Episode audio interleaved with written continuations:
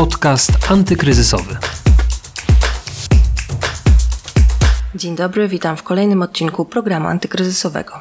Ja nazywam się Justyna Smolińska i chciałabym zaprosić Was do wysłuchania dzisiejszej rozmowy, bo jest ona naprawdę niezwykle ważna.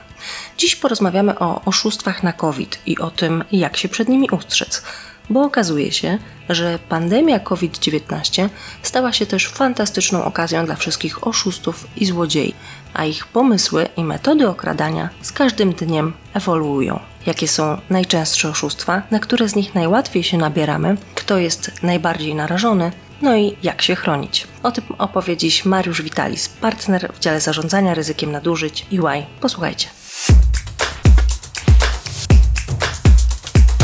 Popularność schematów cały czas się zmienia. Przestępcy stale opracowują nowe metody oszukiwania osób i firmy, kiedy jest świadomość istnienia danego schematu jest duża, na przykład dzięki akcji Krok przed oszustem i coraz trudniej wykorzystać kolejne ofiary, wymyślają kolejny sposób. I tak też działają te schematy na COVID.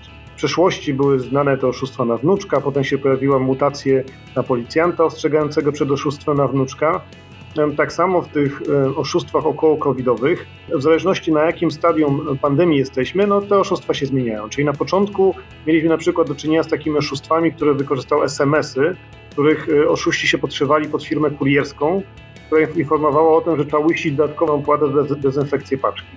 I ten link, który był w SMS-ie, kierował na fałszywą stronę, dzięki któremu przestępcy mogli uzyskać dane do lokowania do bankowości internetowej ofiary. Później, i to są te takie już późniejsze, to są w tej chwili oszustwa na przykład na Sanepid. Czyli dzwonią oszuści, podszywają się do, pod pracowników Sanepidu, do ofiar, pod pretekstem sprawdzenia, czy dana osoba się kwalifikuje do odbycia kwarantanny i przeprowadzenia badania na obecność koronawirusa. I podczas takiej rozmowy proszą o podanie danych, imię, nazwisko, PESEL, numer dowodu, Chodzi o to, żeby po prostu wyłudzić dane. Oczywiście tego typu sytuacje nie zdarzają się, czyli te osoby z tego rzekomego sanepidu nie przyjeżdżają. Jeszcze nowszy etap to jest bon turystyczny, tak? czyli tak jak mamy do czynienia z kolejnymi etapami pandemii, tak coraz te, te kolejne oszustwa powoli mutują. A jak dużo jest tych oszustw? Czy ta liczba oszustw maleje teraz, kiedy już trochę przyzwyczailiśmy się do tego życia z wirusem i jesteśmy już trochę z tym oswojeni, czy jest wręcz odwrotnie i skala tych oszustw z każdym dniem rośnie i zjawisko się nasila? Z oszustwami jest trochę taki problem jak z Yeti, że wiele osób o nich mówi, ale nie zawsze wiele je widziało. To znaczy z tych danych, większość oszustw, które się dzieje, nie jest zgłaszanych. Także z tych danych, które są gdzieś pokazywane, na przykład jest taka instytucja CERT Polska, która prowadzi działania związane z zapewnieniem bezpieczeństwa internetu i według ich danych w drugim kwartale 2020 roku zgłoszono 17% więcej przypadków oszustw takich phishingu, czyli właśnie wyłudzania tych danych w porównaniu z pierwszym kwartałem 2020 roku. E, generalnie raczej widzimy, że ta ilość rośnie, też ze względu na to, że zmienił nam się sposób komunikacji. Jak ten kanał komunikacji kiedyś więcej było tych takich bezpośrednich spotkań, kiedy jednak mimo wszystko łatwiej jest kogoś zweryfikować, kontrahenta, inny sposób jest łatwiej sprawdzić. Teraz wiele z tych oszustw się przeniosło do internetu, kiedy wprowadzimy różnego rodzaju operacje biznesowe, komunikujemy się i ze względu na skalę tych działalności no, liczba tych przypadków rośnie. Państwo też prowadzicie akcję taką uświadamiającą. Stworzyliście portal, formularz Krok przed oszustwem, w którym pojawiają się takie najczęściej występujące oszustwa, informacje o tym, jak się przed nimi ustrzec. Proszę powiedzieć, jak duże jest zainteresowanie, jak dużo osób wchodzi na ten portal i czy rzeczywiście jakieś wnioski z tego wyciągają, czy w ogóle sprawdzamy, co nam grozi. Celem tego portalu jest to, żeby przede wszystkim przekazywać informacje, tak? Znaczy my jako zespół, czy dział zarządzania ryzykiem nadużyć firmy EY, od lat się zajmujemy oszustwami, przede wszystkim w biznesie. Tych przypadków jest coraz więcej. No i chodziło nam przede wszystkim o to, żeby stworzyć taką bardziej kompleksową bazę danych o oszustwach, po to, żeby no, przekazywać również informacje innym, bo większość osób, i to jest taka sytuacja również w tych, tych biznesowych sytuacjach, w których się spotykaliśmy, większość biznesmenów, członków zarządu nie miała historycznie takich przypadków dotyczących oszustw. Po pierwsze nie wiedzą o nich, po drugie no nie wiedzą jak się zachować. To samo dotyczy też naszych rodzin, szczególnie też osób starszych, które są tym bardziej narażone na tego typu sytuacje. Także idea była taka, żeby opublikować te różne schematy, po to, żeby się dzielić tymi informacjami zarówno w świecie biznesu, ale również wśród osób prywatnych. My widzimy, patrząc na ilość osób, które, które, które się zgłasza, rzeczywiście tam jest też formularz kontaktowy, można zgłosić różne nowe schematy, to tych osób jest coraz więcej. To też na przykład takie grono osób młodszych, studentów, czyli te osoby, które się starają bądź informować o tego typu przypadkach, ale również pobierać te informacje i przekazywać, bo to ten największy problem, jaki widzimy, to jest właśnie brak tej wiedzy. Szczególnie, że ci oszuści, oni bardzo mocno jednak działają w zależności od tego, jakim kanałem się ktoś posługuje. Jeżeli to są osoby starsze, no to mniej będzie tych przypadków takich przez internet, to będą właśnie te oszustwa tych sanepidów i tego typu sytuacje, ale znowu jeżeli chodzi o osoby, które głównie się pojmują tymi kanałami zdalnymi, no to większość przypadków, które będą, to będą fałszywe strony internetowe, linki od tych rzekomych kurierów, takie sytuacje, które pod te osoby, które korzystają głównie z tych kanałów, także widzimy, że ta popularność tej strony internetowej rośnie. Wy też aktualizujecie na bieżąco, jak się pojawia nowe zagrożenia, dopisujecie schematy i opracowujecie nowe wytyczne? Tak, dlatego że to jest wyścig. Z czego to się w ogóle bierze? Tak? To znaczy, oczywiście taka sytuacja covidowa to jest idealna sytuacja dla oszustów, bo to jest żerowanie na, z jednej strony na tej niepewności, czyli jak sobie przypomnimy te czasy z marca, kwietnia, no wszyscy zamknięci w domach, też nie wiadomo w ogóle co robić, jak się zachowywać, duża taka niepewność.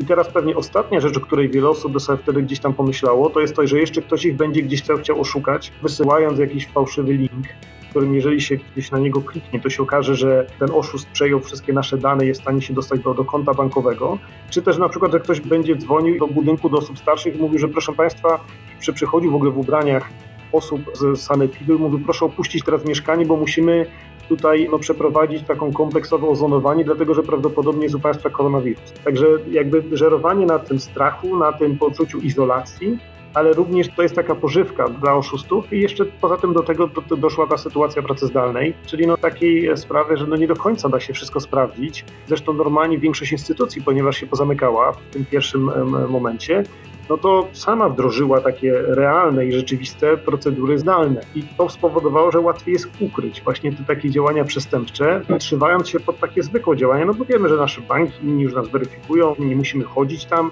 możemy to wszystko zrobić zdalnie. Także to jest jakby fantastyczna okazja dla tego oszusta, żeby tego typu sytuacje wykorzystać i rzeczywiście my staramy się te schematy aktualizować, dlatego że no, tylko pomysłowość ludzka jest pewną taką barierą, a oszuści cały czas działają, cały czas myślą, to są całe kombinaty, które tam pracują nad tymi nowymi schematami, żeby je wymyśleć. Mówił Pan o tych oszustwach, na które najłatwiej nabierają się też starsi ludzie, czyli właśnie oszuści przebrani za pracowników sanepidu. Pojawiały się też w tych pierwszych dniach pandemii COVID-19 oszuści przebrani za ratowników medycznych, którzy właśnie wchodzili do klatek schodowych do mieszkań. No dobrze, a jak to wygląda teraz? Na które z tych oszustw nabieramy się najłatwiej? Bo jest to zależne od wieku, od tego, jak się poruszamy w internecie, jak się czujemy w świecie cyfrowym. No ale na które jednak jest najłatwiej się nabrać i które są najbardziej niebezpieczne? To, co się wydaje takie najgroźniejsze, to ten tak zwany phishing. To są zresztą takie oszustwa, na które najczęściej się nabieramy, czyli informacje, kiedy dostajemy bądź jakiś link ze strony trzeciej, bądź SMS-a, takiego po kliknięciu na który nagle przenosi nas ten link na stronę internetową fałszywą, gdzie wpisujemy później dane swoje, które myślimy, że jest to właściwa strona, no a też te nasze dane pobiera. I to są z jednej strony najczęstsze, dlatego że po prostu jakby skala i ilość maili, które odbieramy i ilość różnego rodzaju komunikatów cała digitalizacja takiego życia gospodarczego i społecznego powoduje, że jest cała masa no, właściwych transakcji. Tak? Zresztą popatrzmy na ilość przesyłek kurierskich, które się teraz prowadzi, jak to było kiedyś. Pierwotnie te takie linki, na które się wchodziło, to były maile w marcu było maseczki. Potem to się zmieniało trochę na właśnie te bony turystyczne czy pewne inne nośne tematy. To jest jeden z takich groźniejszych elementów, bo po pierwsze, jeżeli my te swoje dane damy, czy dane do kont bankowych, to też jest bardzo częste, kiedy są ataki na różne instytucje, no to mamy jakby kilka tych możliwości. Po pierwsze, jeżeli damy swoje dane, no to tam jest problem taki, że oszust te dane ma, może je wykorzystać do tego, żeby, żeby czy wyłudzić kredyt, czy do innych działań. My nie do końca mamy kontrolę nad tym i możemy się tym dowiedzieć kilka miesięcy później.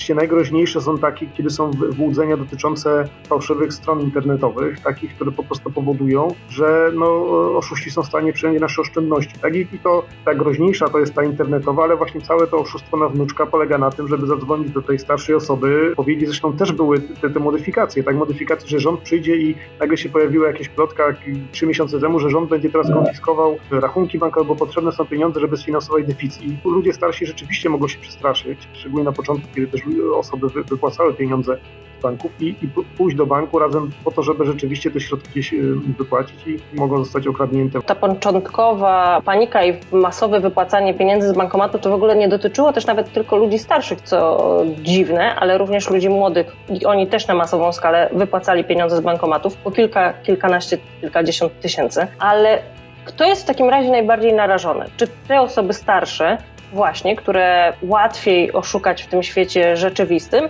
czy jednak te osoby młodsze, które na co dzień e, są bardziej obecne w świecie cyfrowym? To jest to wyzwanie, które jest, jeżeli chodzi o oszustwa, że dla sprawców to jest w ogóle fantastyczne pole do działania, bo tutaj pole tych potencjalnych osób, które można, można oszukać, jest, jest bardzo duże, bo rzeczywiście by się wydawało, że takie najbardziej narażone to są to osoby starsze, wykluczone cyfrowo, te, które na te sprawdzone metody są gdzieś tam narażone i, i też po prostu, no, kolokwialnie rzecz ujmując, w głowie im się nie myśli, że ktoś ich by w takich czasach właśnie gdzieś próbował oszukać. Ale rzeczywiście widzimy, że tu właściwie to mogą być osoby w każdym wieku, osoby zarówno jakby profesjonalnie się zajmujące na przykład i funkcjonujące w biznesie, po prostu no, mają znowu na tyle dużo transakcji, w które są zaangażowane, na tyle dużo maili. Czy sprawdzę link od kuriera, czy to rzeczywiście ten kurier, który powinien przyjść, a może, może to jest ktoś inny. Tak? Także tutaj jest tak, że właściwie dotyczy to bardzo szerokiego grona osób i tu ta pierwotna sytuacja, kiedy to jednak dotyczyło bardziej osób starszych, teraz się już to tutaj zmieniło i właściwie to dotyczy, dotyczy wszystkich. To jeszcze tylko na koniec powiedzmy w takim razie, jak najlepiej ustrzec się przed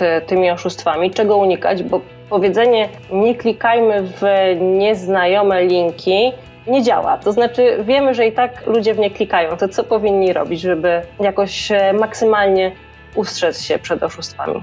Pierwsza rzecz, no to przede wszystkim trzeba sobie zdawać sprawę z tego, że że ktoś nas może oszukać, to znaczy jest nawet duże prawdopodobieństwo, że przynajmniej jedna osoba bądź ileś osób będzie nas próbował oszukać. I ta świadomość w ogóle, że jest takie zjawisko, że jest ono powszechne, że właściwie każdy może być i jest narażony na nie, jest ważne, no bo to już nam daje to, że to przynajmniej gdzieś tam z tyłu głowy będziemy pamiętali, że może jednak być coś, coś dziwnego. Czyli tu jest jakby pierwsza rzecz, to jest to świadomość. I zresztą po to też tutaj nam zależało w tej naszej akcji, żeby tą świadomość, żeby to popularyzować, bo to dużej mierze pozwala na to, żebyśmy przynajmniej przeszli taki proces myślowy, czyli najpierw starajmy się poszerzać tą wiedzę. I nie tylko sami, ale również no, dzieląc się z bliskimi, no szczególnie z tymi osobami starszymi. Druga rzecz to rzeczywiście z tą wiedzą, ja też się zgadzam z tym, że to nie jest tak, że teraz jakby do każdego kuriera będziemy dzwonić, ale warto dokonać trochę takiego sprawdzenia. Jeżeli coś się wydaje dziwne, nietypowe, to lepiej to dwa razy sprawdzić. I jeżeli ktoś do nas dzwoni i się za kogoś gdzieś tam podaje, no to lepiej wziąć telefon, sprawdzić, też można te telefony sprawdzać, zadzwonić pod ten telefon, gdzieś tam zweryfikować,